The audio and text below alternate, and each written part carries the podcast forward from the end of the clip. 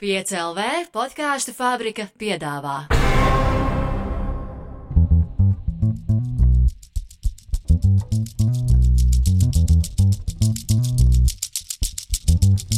Labdien! Vai kādreiz esat par kādu nodomājuši? Viņam gan ir paveicies. Jā, veiksme var būt nejauša, bet atšķirībā no laimes, tā pieprasot aktīvu cilvēku darbošanos. Esmu Linda Samsonova.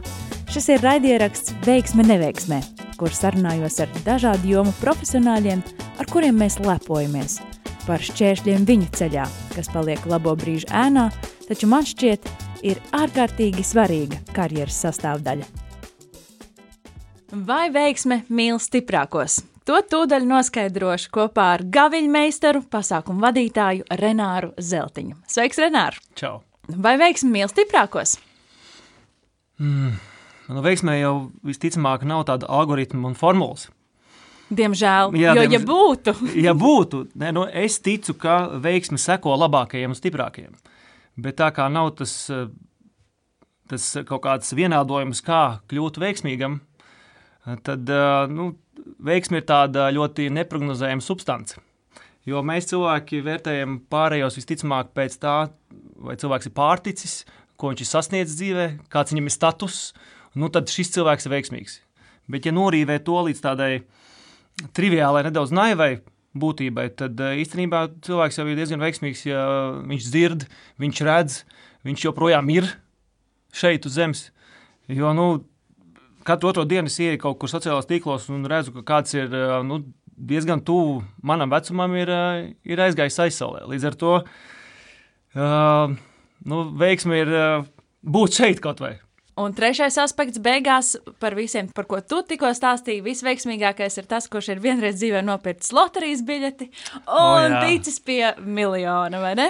Nu, tā ir vēl viena tāda veiksmes šķautne, kas varētu būt, uh, bet interesants izvilkums no nesenā kino darba, ko es redzēju. Ir burvīga filma Netflixā Swimmers, saucās par eh, divām māsām no Sīrijas, kuras veic ceļu, bēg no Sīrijas, veic ceļu un dodas patvērumā, meklējot šajā gadījumā tā ir Vācija. Un tu esi redzējis? Jā. Nu, jā, es izstāstīšu to, to, pie kā es vedu. Un uh, meitenes nokļūst Vācijā, uzprasās trenerim, ka vismaz viena no viņām ir ar olimpisko perspektīvu. Viņi sasniedz šo normatīvu, un tad pirms Rio Olimpiādas sazvanās ar tēvu un mammu. Un šajā video zvanā mamma saka, meitiņa, veiksmi tev, un tēvs saka, pagriežot mammu, veiksmē tur nav nekāda sakara. Meitiņa, tas, cik labi tu esi sagatavojusies un ko tu parādīsi, tas arī ir. Tas, ko tu varēsi. Un veiksmi varbūt ir tad, ja tu, piemēram, jāiet zirgu un tu esi otrajā vietā un nu, paklūpi iepriekšējais, pirmajā vietā esošais, un tev paveicās. Bet šajā gadījumā ļoti daudz kas atkarīgs no paša spēkiem, no ticības sev, no tā, kā tu esi sagatavojies. Nu, un tad pie labas veiksmes sakritības eh, attiecīgajā tur vai loterijā vai sporta veidā, tad eh, nu, arī veiksmi var stāvēt klāt. Nu, ja jau mēs esam aizplūduši šādos Jā. Eh, ceļos, tad jau uzreiz, nu, kas ir ar to veiksmi, piemēram, mūsu valsts hokeja, basketbola komandām? Kas tur tajās beigās notiek? Kāpēc tomēr mēs bieži vien skaisti zaudējam? Ļoti, man liekas, tur ir dziļi jārakņājas. Tur tas nav tik vienkārši atbildams, jo Bet tur nav tāda veiksmes faktora. Tomēr. Tur ir, protams, sports ir, ir sportā ir ļoti svarīga veiksme un kā tā paveicis, bet tomēr arī no komandas spējām ir daudz kas atkarīgs. Ja tur beigās uh, ir neizšķirts un, un basketbolā un tu met un, uh, un tā bumba lēkā pa stīpu. Un tā iekrīt, un tev paveicās. Vai nu neiekrīt, nepaveicās. Bet kopumā tu aizķēri tādu labu punktu, jo viss ir, man liekas, tādā uh, mentalitātē slēpjas, ka iespējams mums kā kā nācijai, kā, kā sportistiem trūks kaut kādas pārliecības, ticības sev. Un, uh, un šīs te, šī te, domāju, mēroga ticības, nu, ka mēs spējam lēnām, lēnām un tādiem uzplaiksnījumiem parādās jau šī ticība, jau tādā jaunā, uh, jaunā vērienā, jo piemēram, Latvijas basketbola izlase iekļūstot pasaules kausā. Wow! Viss, kas mums trūka patiesībā, jo uzvārdi ir, mums trūka tikai uzvaras nu, iespējams, nedaudz arī veiksmes. Un lūk, pēkšņi parādās šī veiksme stāv klāt uh, tam, cik ļoti labi mēs šādā virknējumā arī esam spēlējuši. Un mēs esam pasaules kausā. Tāpēc uh, kaut kur tur uh, visticamāk jāpanalizē kaut kur no, no senākiem laikiem, kad tas slēpjas. Nu, tur vēstures konteksts arī kaut kur spēlē lomu, kas nospiež mūs pie zemes kaut kur mūsu kaut kādā tādā mm, lielākā, varbūt, ticībā uzvarām, ticībā sev individuāli, ka es to varu spēt, jo sports ir arī individuāls sports. Tur daudz vairāk jāuztic sev, tikai sev.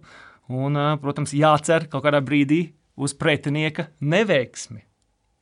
Jo veiksme jau nekur nav no neveiksmes. Ja tev veicas, tas nozīmē, ka kādam nepaveicis. Viss Tā līdzsvarā. vienīgi, vienīgi loterijā, man liekas, vai nu tev, vai nu tev veicas, vai nē. Tur nav kāds, kuram Nu, neveicis. ir tas, kurš ir nopircis un neko nav dabūjis. Nu, jā, nu, Viņam tā ir iztērējis nu, tā naudu. Tad Tā ir neveiksme. Bet man liekas, tā loterija ir tā, arī tāda, tāda lieta, kur uh, visu laiku konsekventi cilvēks, nu, visbiežāk, ja viņš ir sācis pirkt, tad uh, viņš cer uz veiksmi kaut kādā brīdī. Iespējams, tur nezinu, lielākā nogriezienī 50 gadu laikā. Domājot par uh, šo podkāstu un vispār veiksmi un sarunām par veiksmi, arī tikko es uh, atskārtu, ka izvēloties cilvēkus, šos personāžus, ar ko es vēlos runāt, jūs visi šeit ierodaties, jūs esat stalti, pārliecināti, un es zinu, ka tieši tāpēc jūs esat tie it kā veiksmīgie. Vai tu piekrīti tam, ka liela daļa jau slēpjas tajā, ka tu pats ienāc jau ar to apziņu, kas es esmu, ko es zinu un ko es varu. Visur, ne tikai šajā telpā, bet vispār pa dzīvējot. Uh, Noteikti, tā ir. Ir svarīgi uh, šī iekšējā, iekšējā pārliecība, noteikti, es domāju, tādā labā vibrācijā tavs ego, noteikti kaut kāda mērķtiecība, mm, bet katram jau tā veiksme vai laime ir citādāk. Ļoti relatīvi jēdzieni. Vienam vajag mazumiņu, lai viņš justos laimīgs un veiksmīgs. Vienam atkal vajag uh, liels ambīcijas un, un gāzt olimpus un, un kalnus un sasniegt virsotnes. Tāpēc uh, grūti ir uh, noteikti aizkļūt līdz atbildēji, kāds tad ir veiksmīgs un laimīgs cilvēks. Bet uh, to labsajūtu un, uh, un šo te, zinu, ir tāds vārds swag. Tu vienāc iekšā un tā ir harizma latviski, visticamāk. Ienāc iekšā telpā un cilvēks sajūt šo enerģētiku un uh, nevar īsti noteikt, vai es esmu veiksmīgs un laimīgs.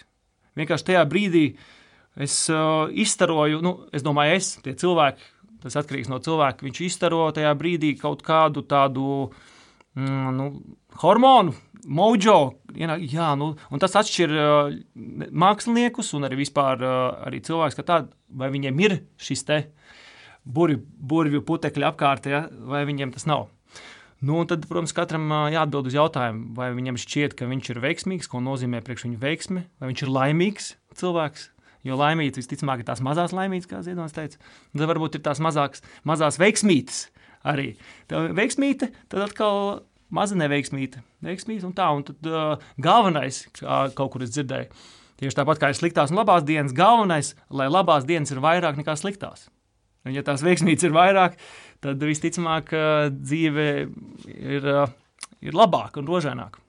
Jā, plus mēs arī atceramies to labo. Par slikto mēs cenšamies nedomāt. Cenšamies, bet aizmirst. mēs to oponēšu, jo cilvēki ļoti bieži ā, atceras, domā par negatīvo, Iespējams, par daudz. par daudz, stipri par daudz, bet kaut kas atkal tajā, ka, ka mēs, ā, un mēs domājam, un iespējams nedomājam par to, kas bija, arī domājam, bet ne tik daudz, bet par to, kas varētu būt un nekad nepiepildās.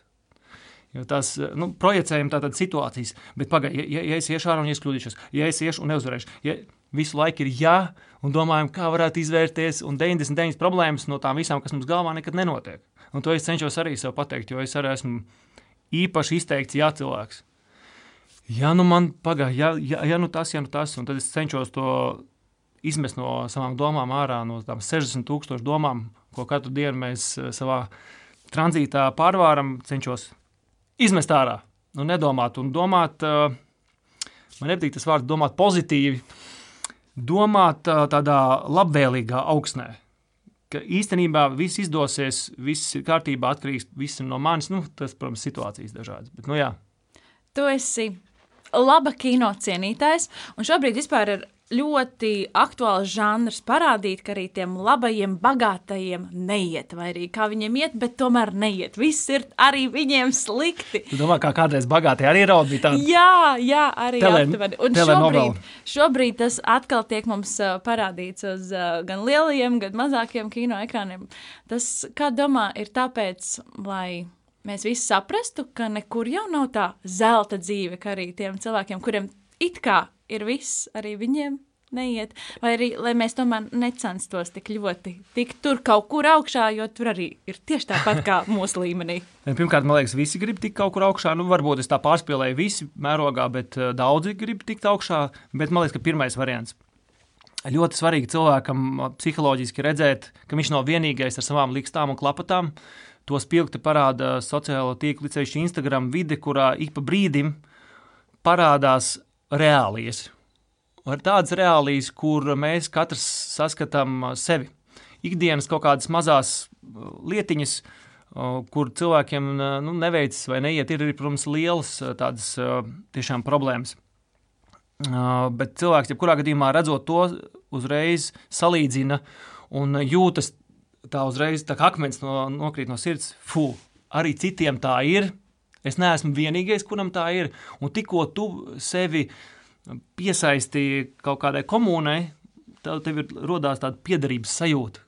Ka, nu, varbūt tu esi tajā mazliet, vismaz konkrētajā situācijā un lietā, neveiksminieku klubiņā, bet tev vismaz ir klubiņš. Nu, jo citādi tu esi tāds vientuļais vilks ar šo te problēmu, tu domā, nu, nevienam citam jau tā nav. Un es esmu vienīgais, man ir depresija vai par to lietu, vai par to. Un tad tu ieraugi vai uzzini sarunā no draugiem, vai ieraugi kaut kur uh, seriālā vai kino. Un man liekas, tad uh, ļoti svarīgi ir ne tikai, ka bagātie raud un viņiem neiet, bet visiem, nu, ka visi ir cilvēki, un tā dzīve jau tomēr ir tāds uh, roller coasters, ir, uh, ir melnās dienas, gaišās dienas, un, un tas ir tādā, nu,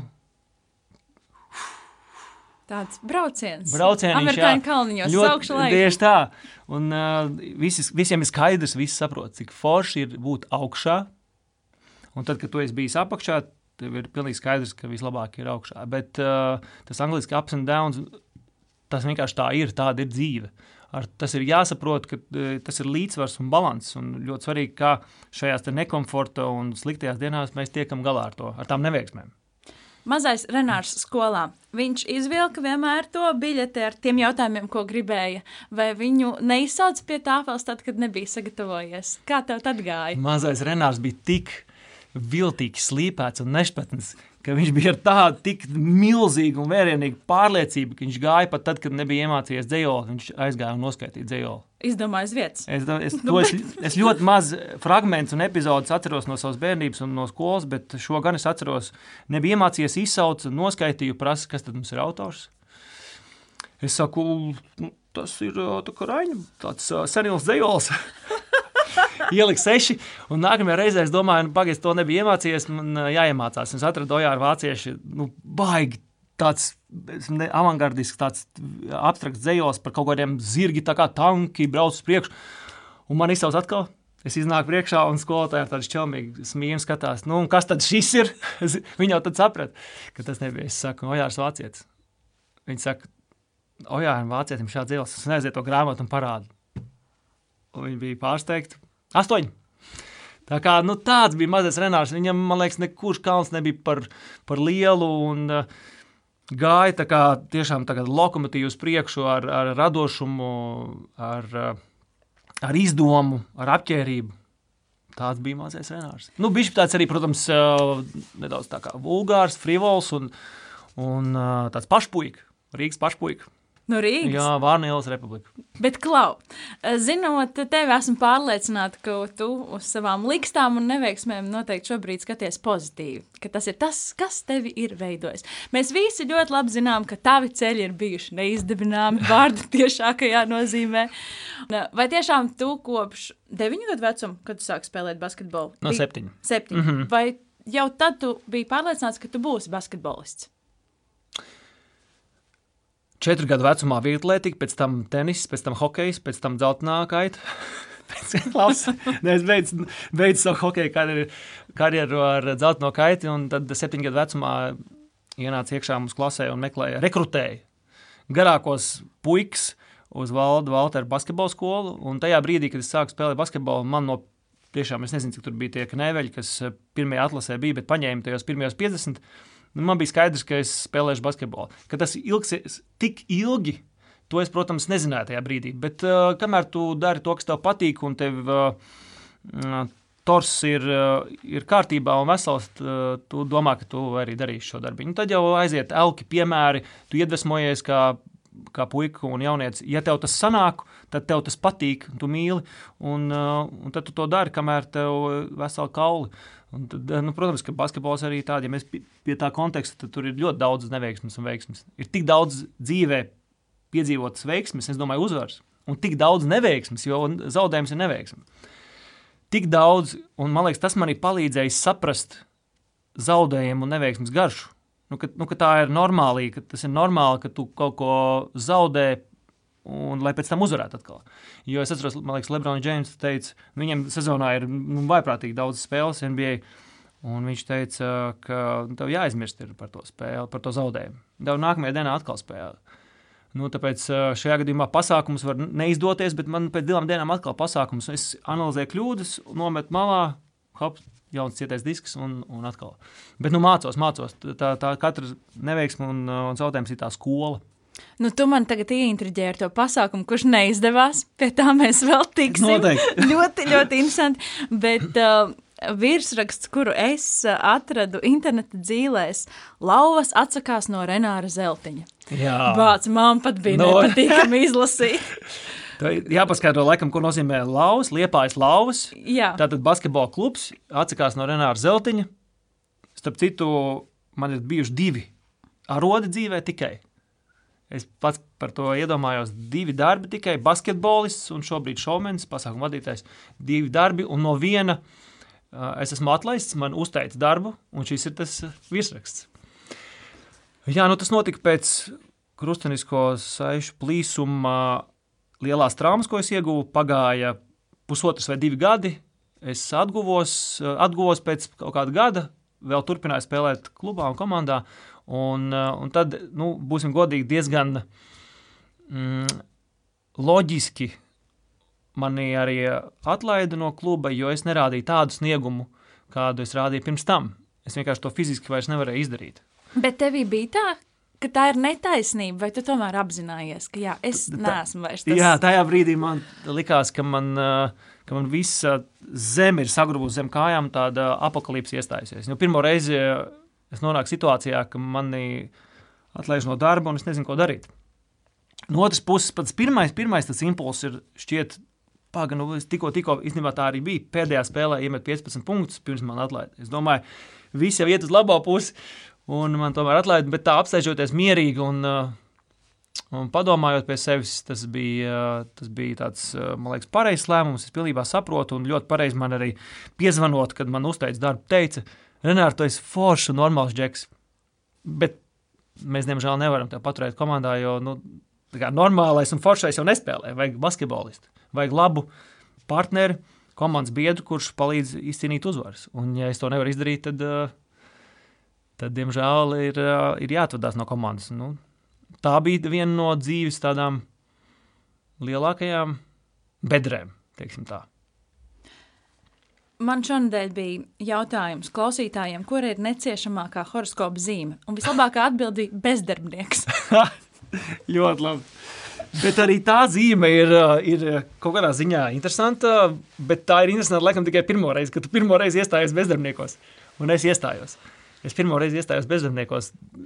Gāju, man liekas, tur piedāvāja arī kursus. Jā, un, par tiem jā, kursiem gribēju jautāt, vai tu kaut ko es, man, man šķiet, pamācījies? ka es, es atminos, ka es neko nepamācījos, jo baigi ilgi man nesanāca. Nu, cik es kādu pusgadiņu, man liekas, biju bez, bez šeptes. Nu, un tad jau sākās man, man nākamā dzīve, nu, nodaļa. Bet vai šajā laikā tu vari atzīt, ka tev bija depresija? Jā. Pavisam noteikti. Pirms tam es nezināju, kā tas vispār izpaužas un kas tas ir. Bet tā bija tiešām depresija par uh, neziņu nākotni, ko darīt, kā būt, ko es vispār spēju. Man, uh, man joprojām nav augstākā izglītība, bet arī tajā brīdī nebija. Es gan tur biju mācījies, trīs nepabeigtās augstākās, bet tāda savu spēju mm, noniecināšana vai nu, ka man nav superspējas. Ko man tagad darīt vispār dzīvē? Man nav augstākās izglītības, es, to, ko es mācīju darīt, es vairs nevaru darīt tādā kvalitātē, ko, kurā virzienā doties. Un, nu, es domāju, ka daudz cilvēki šajā sprūdnī nokļūstot arī no nu, savās domās iesprost, un tur, tur es biju. Un tad bija jāgaida. Es nezināju, ko es gaidu, un tas nu, atnāca pats tāds nu, kaut kāds vēstnesis un veiksmīgs kaut kāds pasta balodas atlidoja. Bet, ja tas nebūtu noticis, man daudzi ir prasījuši un vaicājuši. Man nav atbildes, kurā, kurā nozarē, kurā departamentā, kurā, kurā vietā es šobrīd būtu. Man nav atbildes tiešām. Tavi ceļi ir, ir neizdibināmi. joprojām tas ir nemainīgi. Klau, tu esi pats atzinis, ka esi pa dzīvi plūdis. Tādā labā nozīmē, vai labā, arī kaut labā. kur es arī netur ieplūdis? Nē, labā nozīmē, labā. Man liekas, tas ir sācies tādā, tādā nu, es saucu par apzināto vecumu. 27 apmēram īstenībā tas varētu būt pēc tā, ka man atlaida un es sāku darboties šobrīd biznesā, vadīt pirmo raidījumu. Laikam sajust šo lielo pārliecību un, un kaut kādas apdāvinātas spējas tajā, ko es daru. Un tad es sev pateicu, ka ka man ir jānoliek, to es vienmēr esmu sev teicis, man atalgojums nav prioritāte un primārs, bet tas ir svarīgi. Bet es nekad neesmu kaut ko darījis, kopš pirmās dienas kaut ko darījis dēļ atalgojuma. Un tā ir man, man tā formula, ka es, ka es plūstu visam, kas, kas nāk. Es domāju, protams, ko, kādu piedāvājumu pieņemt, ko nē, bet es plūstu un, un nedomāju par to, ko es par to dabūšu. Vienkārši baudot pašu, pašu darbu, pašu lietu. Tā bija kādreiz, kad es spēlēju basīti septiņu gadu vecumā. Man nemaksāja, un es baudīju to lietu. Un tad man, es dabūju to pašu sajūtu, tikai man maksā. Jo vēlāk, kad es basīti spēlēju, jau tādā pieaugušo vecumā, man vienā brīdī sākās tā, man maksā algu, bet man nav, man, es neizjūtu tik lielu kaifu par to, ko es daru.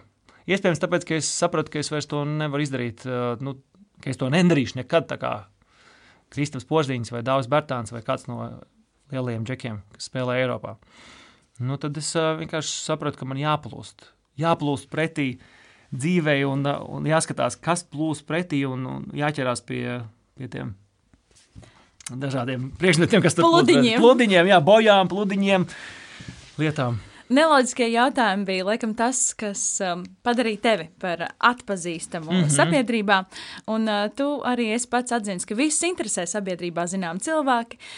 Kā tu uz to skaties šobrīd, kad pats esi šajā sarakstiņā un visiem kaut ko no tevis vajag? Tev visur aicina un jā, nu, nav arī viegli doteikt. Kā tad nav ir? Linda viegli. Nav Linda viegli tādā ziņā, ka, ka ir jāatsaka. Jo tad, kad uh, Tad, kad es tikko, tikko sāku darboties televīzijā un, un, un geto gēmas visā pārējā, un lēnām tā atpazīstamība auga, es ļoti labi atceros, man uzaicināja Latvijas Universitātes radio ciemos uz nu, tā laika, varētu teikt, podkāstu. To citādāk sauc uz rāģiņu, jā, parunāties. Un viņi man teica, ka viņi aicināja dažādus cilvēkus, un uh, liela daļa nenāk un pat neatbild. Un es teicu, kurš tad, kurš tad neatbild jums vispār? Teica, nu, pieņemsim, tajā laikā tas bija Gustavs un Gustavs, un neatbild pat vispār. Un es tikko sācu tāds jauns, marinēts gurķītis, saku, kā var, kā var neatbildēt, kā var nenākt. Ne, tie gan, Jā, nu, ne, tas gan ir ja, iedomīgs un uh, izdegunīgs. Un tagad tikai es, nu ne tagad, bet nu jau pēdējos gados es pilnībā saprotu, nav iespējams, it sevišķi attīstoties, augot sociālajiem tīkliem, nu ne, nav iespējams visiem atbildēt, visiem izdabāt, izglābt visus. Līdz ar to, kam es varu, tam es taktiski cenšos atbildēt. Jo katrs, kurš raksta, tas ir vienkārši jāatcerās. Katrs, kurš raksta, viņš jau nezina, cik vēl raksta. Priekš viņa tā lieta ir vienīgā un svarīgākā. Eju, kur bots nopirki? Eju, kas tā pa jaku? un tā tālāk, un apsveic uh, dzimšanas dienā, atsūta lūdzu video priekš manas draudzenes dzimšanas dienā, vai atsūta vienkārši kādu tekstiņu, vai tu tiks tur, vai tu nāks tur, ielūgums tur. Un vienā brīdī es sapratu, un tas bija, tas bija pēc pirmajiem cik gadiem, kādiem nu, diezgan ātri īstenībā es sadegu tā, tādā, tādā ritulī un virpulī, un es sapratu, ka es nevaru vienkārši savu enerģiju dot pilnīgi visam. iet uz visiem pasākumiem, kur man aicina, atbildēt visiem. Iet uz visām vecmēņu balītēm, kur man jāpasniedz roza. Es to vienkārši nevaru nevar to sadalīties un noklonēt sevi un izdarīt visu. Un es ļoti sāku prātīgi sadalīt savu produktivitāti un enerģiju. Un tā ir viena no atslēgām, ka nu, iespējams kāds apvainojas tur otrā galā. Bet nu, vienkārši, lai es justos komfortabli un labsajūtā, man ir šobrīd, cevišķi, kad man ir atbildības, man ir ģimene, man ir sieva, man ir darbi, man ir tomēr jāspēj kaut kā sakalkulēt. Ņemot vērā, cik daudz pasākumu tu esi vadījis, Uh! Visi nevar būt perfekti. Un tu pats jau arī kaut ko teici par to, ka, nu, jā, bija jāaizmirst. Pēc divām dienām nākamais pasākums. Jā. jā jau šajā sarunā. Nu, nu, kā tad var neizdoties pasākums, kur vada Renārs Zeltiņš? Nu, Nu, tā ceļā tā kā kaut kāda mesija vai, vai citplanētietis. Nu, pirmkārt, var neizdoties, nevienmēr atkarīgs no vadītāja. Uzreiz uzsvēršu. Bet ne par to stāsts. Stāsts ir par to, ka ir ļoti svarīgi. Es pat nezinu, kā es ar to cīnos, kaut kā spēt piezemēt savas expectācijas par perfekcionismu un izcilību. Un man nenormāli grūti ar to iet. Man gribās visu labāk, labāka versija, izaugsme, uh, neskatīties lapiņā, kad es vadu, un nemainīt, precīzāk, nevis nemainīt, bet mainīt programmu. Ja, pieņemsim, es uzzinu, ka, ka nākamajās kāzās, ko es vadīšu, ir divi cilvēki no citām kāzām, kuras vadīs. Man gribās mainīt to visu programmu. Man sieva saka, Renār, nu, dēļ diviem cilvēkiem tu tagad mainīsi pilnīgi visu. Nu, ar to jācīnās.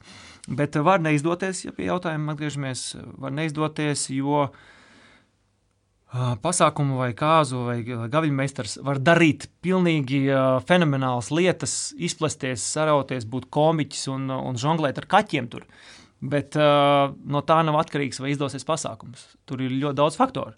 Kā jūtas viesi kopumā, vai viņi ir pazīstami, kāds ir laiks, laika apstākļi, kā ietekmē visu, kāda ir kā izvēršās programma, kā, vai kaut kas pēkšņi mm, nu, savāds nenotiek pasākumā, vai, vai dīvains, kā iegrozās gultne.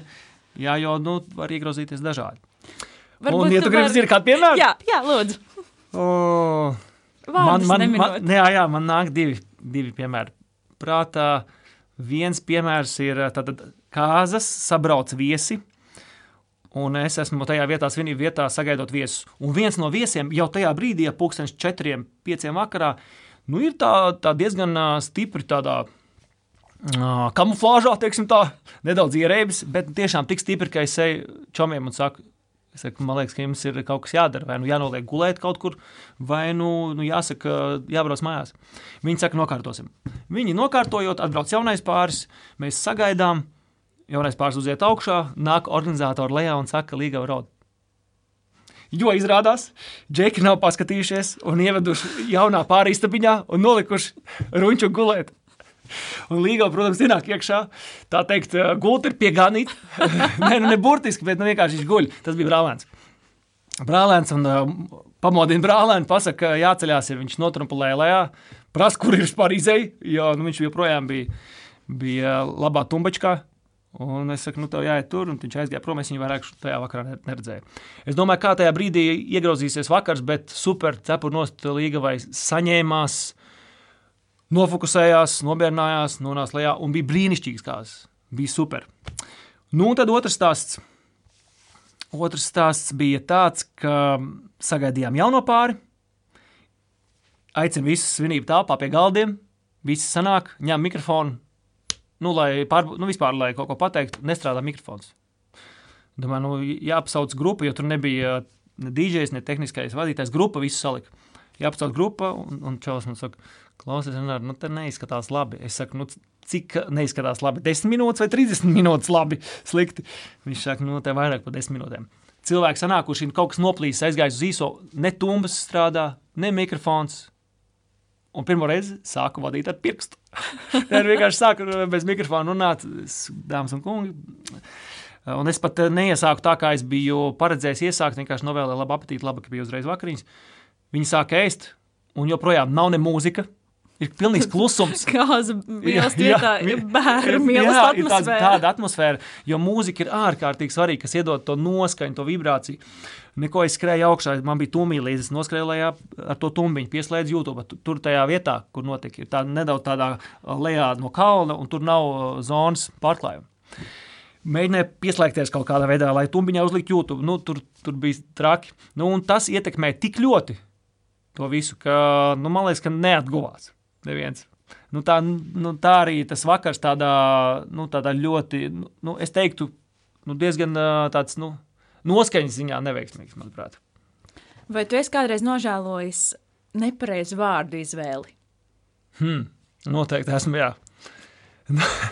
Noteikti esmu, un tas pat bija kaut kad nesen, bet es neatceros, kurā raidījumā. Tas man tā vienkārši uzreiz piemērs iešāvās galvā. Jo es pateicu kaut ko par, uh, par, ko par šaušanu. Es teicu, nu tad uh, šausim vaļā tur kaut ko. Un, nu, šajā kontekstā, kas vispār notiek pēdējo divu gadu laikā, tādā globālā kontekstā, ģeopolitikā, protams, šis vārds tā. Mm, bet nekad, nu, tādā ziņā man prieks, ka cilvēki neuztver to tā. Es jau nedomāju, tu nu, saproti. Un te ir ļoti svarīgi, eh, ka mums tādiem uh, gaviļu meistariem un, un visiem tiem, kas šobrīd kaut ko raksta, influencē, atcerēties, ka, ja viņiem šķiet, ka vārdam nav spēks, tad katrs vārds ir tik nenormāli svarīgs, ka tas ir jāpārdomā. Un tieši tāpat jācenšas uh, man pašam arī vairāk piedomāt, jo citreiz kaut kas izšaujas.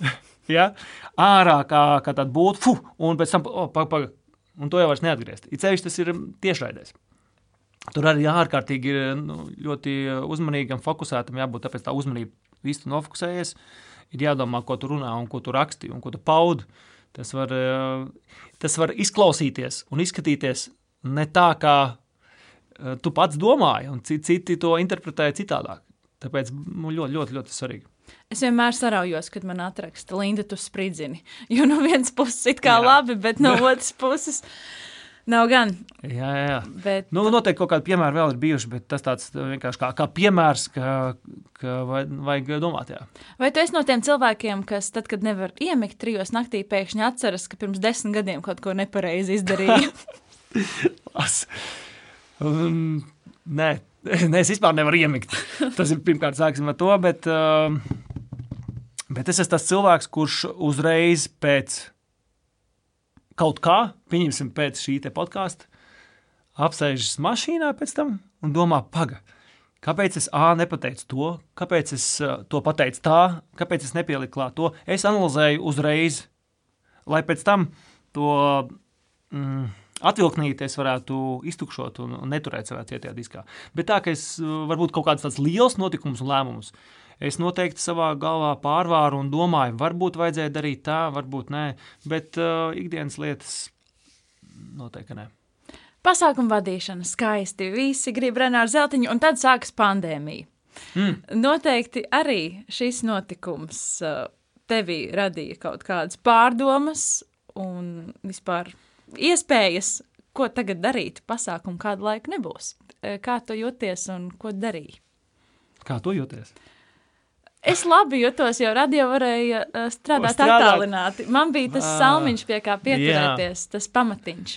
Pirmo pusgadu bija, bija bažīgi, jo vienmēr neziņa mm, ir kā bība un par to, ko tu nezini, un, un tas baida. Un, uh, mēs jau sākām pārdomāt, un tas vairāk bija laikam uh, sievas kaut kādas sajūtas, kad varbūt jāsāk domāt, uh, ko mēs darīsim dzīvē citu. Un es biju tik ļoti pārliecināts, ka mēs atradīsim veidus, vai radīsies paši veidi, kā mēs varam saglabāt savu, savu vietu izklaides lauciņā, varbūt pamainot nedaudz. Nu, neteiksim, tas ir know-how, bet uh, vienkārši mainījās noteikumi. Es teicu, nedaudz ir jānogaida. Ir skaidrs, viss ir apstājies, jo daļa no mūsu dzīves arī sociālajos tīklos. Un arī pasākumi uh, nenotika. Bet lēnām, lēnām sākās online pasākumi. Un tā bija tāda jauna skola, kura bija jāapgūst un, un jāsajūtas, ka, kā tas īsti ir. Kā ir atdot enerģiju nekam, nesaņemt pretī, Bet, uh, manuprāt, adaptācija notika veiksmīgi. Jā, veiksmīgi. Uh, Bija, protams, uh, jāpierod pie tā. Tas nav viegli arī rudītiem kūmiņiem, kurus vienkārši iemet pilnīgi citā ūdenī, nu, tad no, no sākuma tomēr ir jāpapeld un jāsaprot. Līdzīgi kā ilgu laiku ka kaut ko tu nepraktizē, ir grūti, vienmēr tas sākums ir iesāk grūti. Pēc tam tūdaļ man būs, nu, varbūt tas podkāsts iznāks citā laikā, bet es domāju, kad es televīzijā esmu kaut ko vadījis. Nu, man liekas, ka vienreiz gadā apmēram, nu, varbūt tur basketbola tiešraidzi. Nu, ja vienreiz gadā kaut ko dara līdzīgi kā vada angliski, es tik reti vadu angliski, nu, es domāju, kopumā gada griezumā. Nu, tur piecas reizes, varbūt sešas. Ja nepraktizē to, ko tu dari, tev grūti ir iesākt un, un kaut kā tāda stostīšanās. Bet uh, online pasākumi tika apgūti, un tad savukārt pēkšņi atkal varēja notikt pasākumi. Un es atceros to brīdi, kad es iznācu ārā, bija uzņēmums 600 cilvēki. Un man bija tiešām tādas trīsas, un es teicu viņiem no sirds, ka man ir tāds prieks redzēt jūsu sejas, jūsu vaipstus, jūsu enerģiju. Es pat nedaudz esmu apmulsis, kā, kā tagad rīkoties un kā vadīt. Nu, tā kā tās arī tāds pirmotnējs kaut kādā ziņā emocijas atkal bija. Tā kā pirmo reizi vadīt.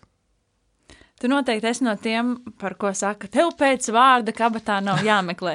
Bet noteikti ir situācijas, kad pat tev nav ko bijis teikt. Vai tu vari mm. kaut ko tādu atcerēties, ka tevi ir nostādījuši tādā situācijā, ka nu, jā, nu nav ko teikt.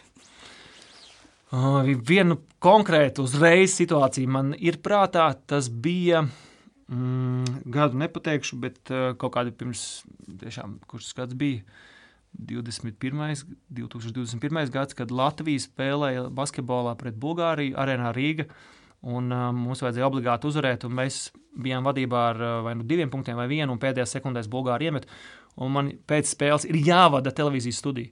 Un man ir divi eksperti, Un pēc spēles noslēguma ļoti ātri, nu, nav, tur nav reklāmas bloks, un ļoti ātri mēs pieslēdzamies. Un, un es, kā vadītājs, es iesāku, un Džeki vispār neko nevar pateikt. Nu, tā kā vispār neko. Viņa ir tādā šokā, uz tādas pauzes, ka ne, tāds klusums ir, un, un es redzu viņu ģimenes, tās ir vienkārši nu, tik smagas. Un man ir jāvada kaut kas, kaut kas jāvelk ārā, un es pats arī, protams, kā basketbola fanāts. Uh, biju šokā. Tad man tiešām man, man ļoti grūti gāja tajā studijā.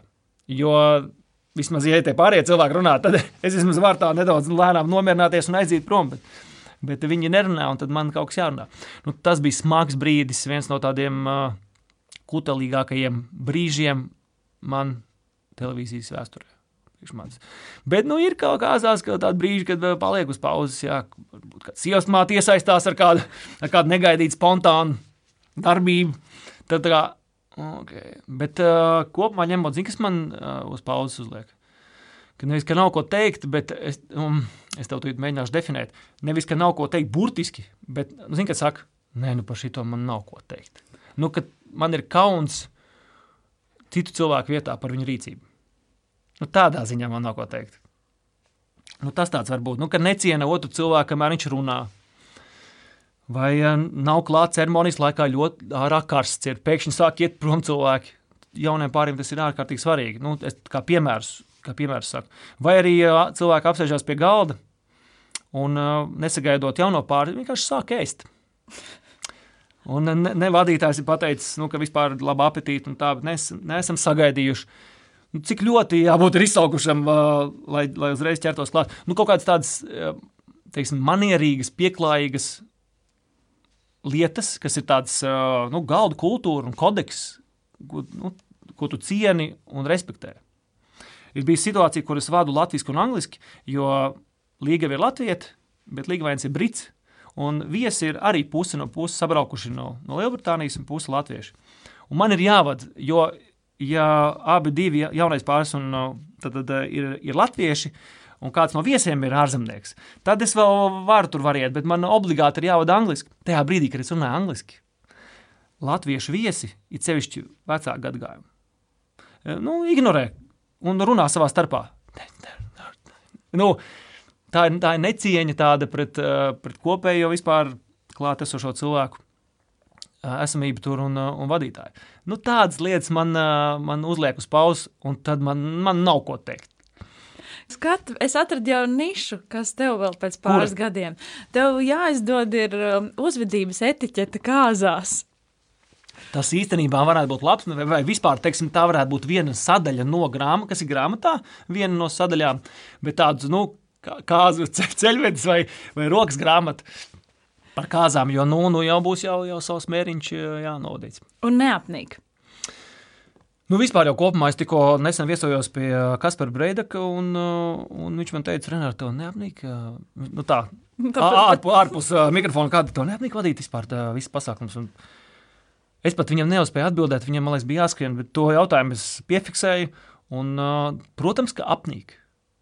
Apnīk, bet tajā pašā laikā manā profesijā ir baigās privilēģijas. Man rodās jaunas šķautnes un lauciņi, kur, kur pazīmēties. Es varu tapināt dziesmu, es varu būt aktieris, es varu būt komiķis, vai izgudrot pats, ko es gribētu darīt.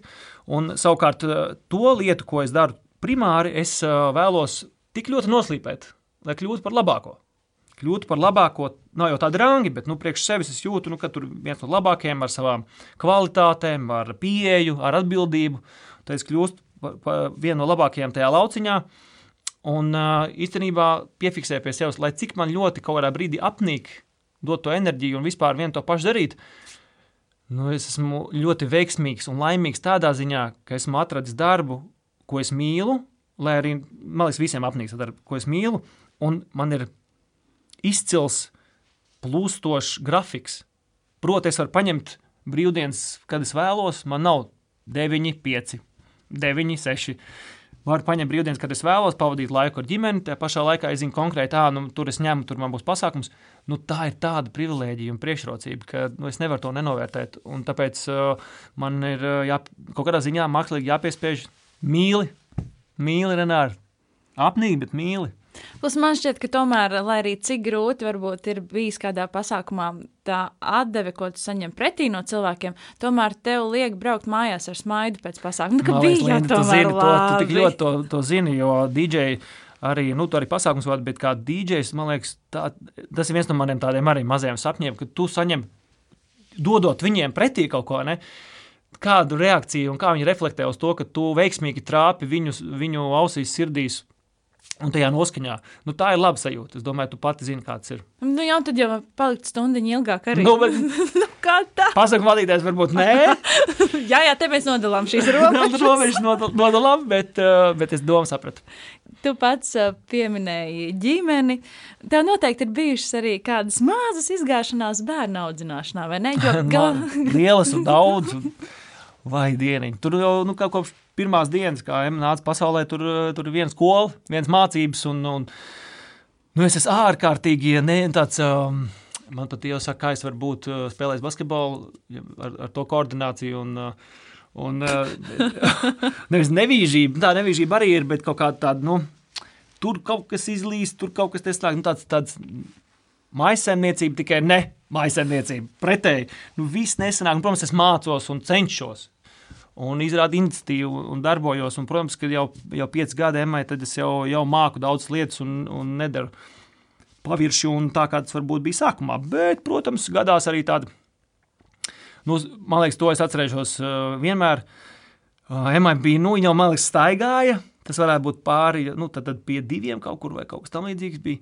Un uh, es gāju, gāju pie virtuves kaut kur garām. Es jūtu, pagaidi, pagaidi, man liekas, ka, man liekas, ka Mācītim vēdā kaut kas ir pampers ir pilns.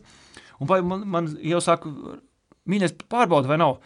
Un es nezinu, kāpēc nevis pieliecos vienkārši un paostīju, bet paņēmu ēmu tā pie viduklīša ar pamperīti un gribēju viņu pacelt augšā un pārbaudīt. Bet es stāvēju tieši dzīvoklī, kur augšā tā, tie griezti un niša ir zemāki. Un kā celt, kā celt, bubum! nu, labi, ka tas nebija tik, tik stipri un smagi, bet, bet tajā brīdī tas bija. Nu, iedomājies, nu, tādas lietas, nu, es esmu vienkārši. Tur es esmu pirmajā vietā. Šajā, šajās mazajās ikdienu neveiksmītēs. Bet, nu, labi, ka nekas tāds, nu, mega, mega nav noticis. Protams, tās mazās ir tādas, bet uh, es mācos. Un Emai viss ir kārtībā. Viņa ir vesela. Viss ir kārtībā, vesela noteikti. Jā. Es zinu, ka jums ar sievu patīk vienam pārsteigt otru. Dažādos svētkos, sagādāt patīkams brīžus, un, nu, lai arī tu mēdz visu saplānot perfekti līdz katrai detaļai, niansai, tomēr šad tad kaut kas aiziet greizi, vai ne? Ar pārsteigumiem. Jā. Ar pārsteigumiem. Nu, šādi tāda varbūt aiziet, bet, ja godīgi, tad uh, laikam ir viena lieta, ko es tur izstāstīšu, bet tā arī uh, varētu būt arī vienīgā. Jo pārējais viss, nu, ja es gribēju uzdāvināt pirmo reizi ievai puķis lidmašīnā augšā, lidojot, tad es ienesu to mugursomā, iegāju to pēc tam lidmašīnā, iznāca ar rozēm. Nu, tādas lietas, kas arī var kaut kur pēkšņi attaisnot to vaļā, kontrolē, nu, ziediņu mums te ne, nebūs. Nu, ir visādas lietas, kur, kur vajag tādu izdomu un, un uh, disciplīnu pieeju. Un viena no tām lietām bija Nulekā, kad mēs bijām rudenī kopā ar ģimeni Vīnē. Manai sieviņai bija dzimšanas diena, un es aizgāju lejā recepcijā, viesnīcā un palūdzu jaunieklim, stažierim, lai viņš varētu lūdzu man sagatavot nākamajā dienā, 8 no rīta, nu, pēc laika tur sanāca tā, ka mēs mostamies, kūciņu, kaut kādu dzērieniņu, varbūt šampīti vai kaut ko tamlīdzīgu, un nu, kādu sveicīti ielikt, un tā, nu, tādu pārsteigumu. Viņš saka, everything's gonna be ok, viss būs kārtībā, tu ne, pats kaut ko raksta tur. Un tajā vakarā atgriezāmies atpakaļ viesnīcā. Es domāju, varbūt jāaiziet nu, dubultā nočekot, ka viss būs kārtībā. Domāju, nu nē, nu, viņš ir pierakstījis kārtībā. Pūkstens 8,5 man jau trīs nagi, nav nekādas kūkas, nekā. Es noju lejā, tur, protams, citi strādāja. Es saku, dāmai, es sarunāju kūciņu un, un šampanieti. Nē, nu man rakstīts, ir divas pa dienu. Es saku, nu, mēs astoņos sarunājām kūciņu, sveces. Mums vispār nedrīkst dedzināt sveces. Es saku, man arī bez svecēm. Man...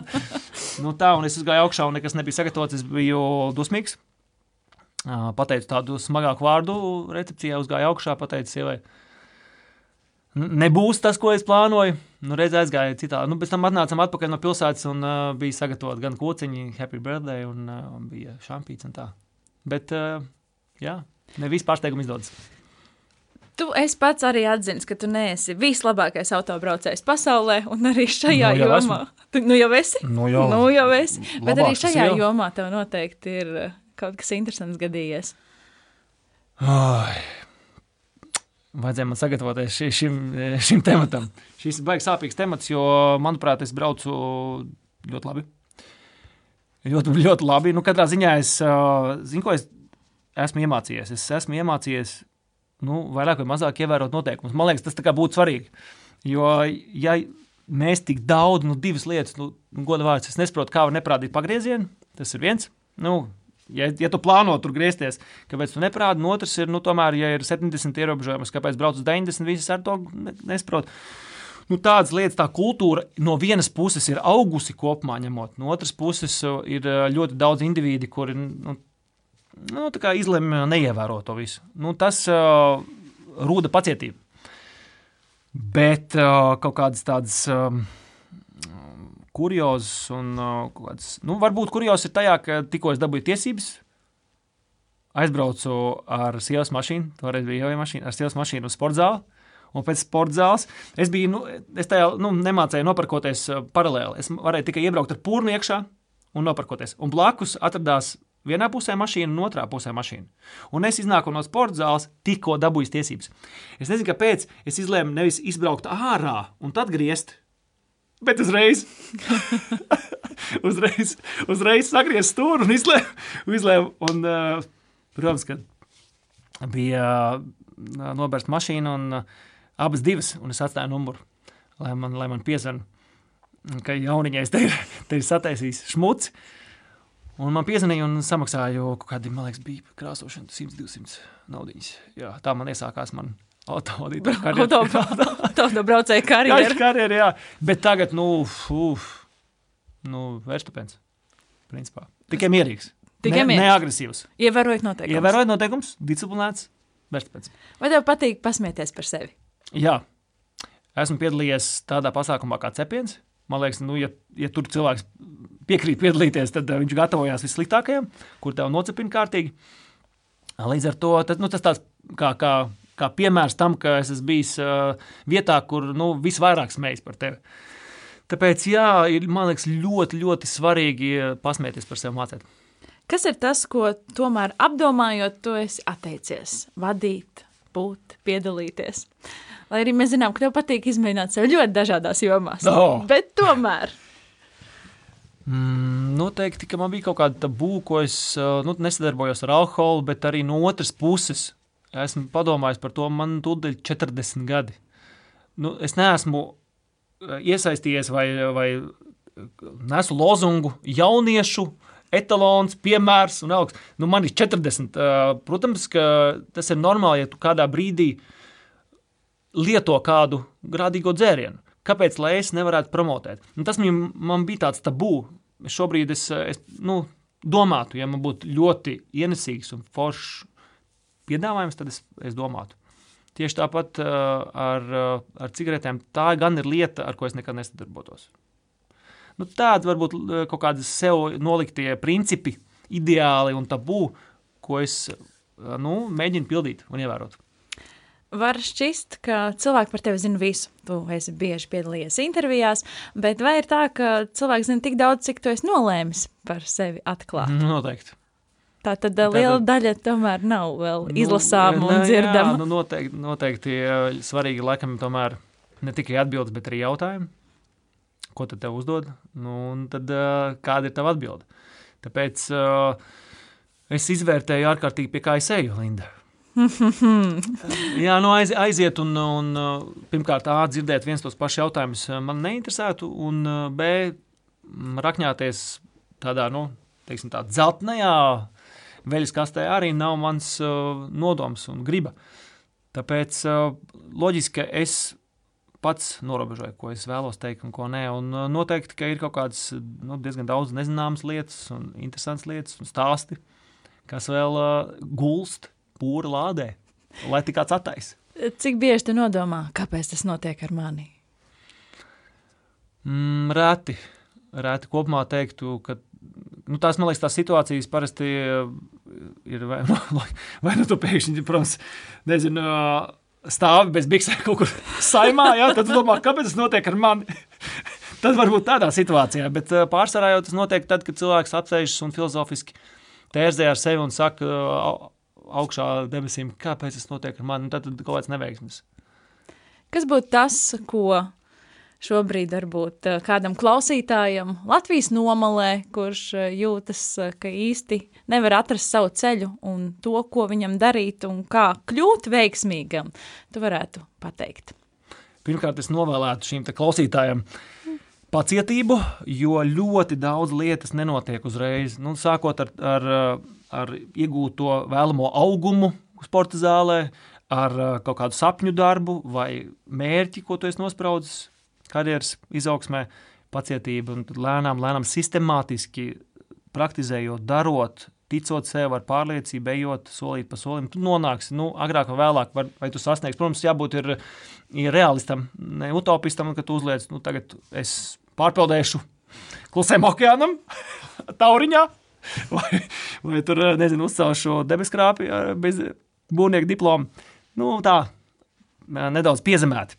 Tā ir viena lieta. Otra lieta - rūpēties par veselību. Trešā lieta - ieguldīt zināšanās. Nav obligāti jāmācās augstskolā, bet kaut kādos kursos apgūt kaut ko, jo tāda sevis pilnveidošana un izglītība kā tāda, tā noteikti nu, visu laiku kaut ko mācīties. Tas, tas ir tas, kas noteikti virza un kustēties. Es tagad Danilānu tagad. Kustēties, tās jums palīdz. Kustēties vienalga kā. Tu vari savus olimpiskos zeltus izcīnīt eh, tepat sev, uzliekot, ka tu šodien nu, nobrauksi 30 minūtes ar, ar feli. Vienkārši mazās, mazās kustībīņas, tonusam priekš sevis. Tas palīdzēs eh, ilgdzīvošanai. Atkal kādā dilāns. es braucos, bet kaut kur nāk ārā tās beigās zinības. Un vēl uh, es praktizēju elpošanas. Man ieteica, tāds slavens vīriņš, Vim Hof, ar tādu bārdiņu, tāds ledus vīrs, viņš arī kontrastu dušu tur praktizē. Un viņam ir ārkārtīgi vienkārši elpošana, 11 minūtes prasa ikdienā. 58 miljoni noskatījušies vai noklausījušies, precīzāk viņš tur runā. Un tas, ko viņš saka beigās, es to izmantoju pasākumos. Viņš tur saka, Thank you for your time. I wish you good day and good night and good life. All the love, all the power. Es novēlu labu, labu dienu, labu nakti, labu dzīvi, daudz smieklus un daudz spēku. Paldies! ar šo arī mēs noslēdzam. Lielas paldies, Renāri, par tavu laiku. Un, uh, ņemot vērā, ka es tevi pazīstu nu, jau aptuveni desmit gadu, man ir prieks, uh, kā tu esi audzis, un to arī es tev novēlu. Ne tikai profesionālā ziņā, bet arī kā cilvēks. Tas paldies man ir tev. ļoti, ļoti svarīgi. Paldies! Paldies! Uz tikšanos! Uz tikšanos!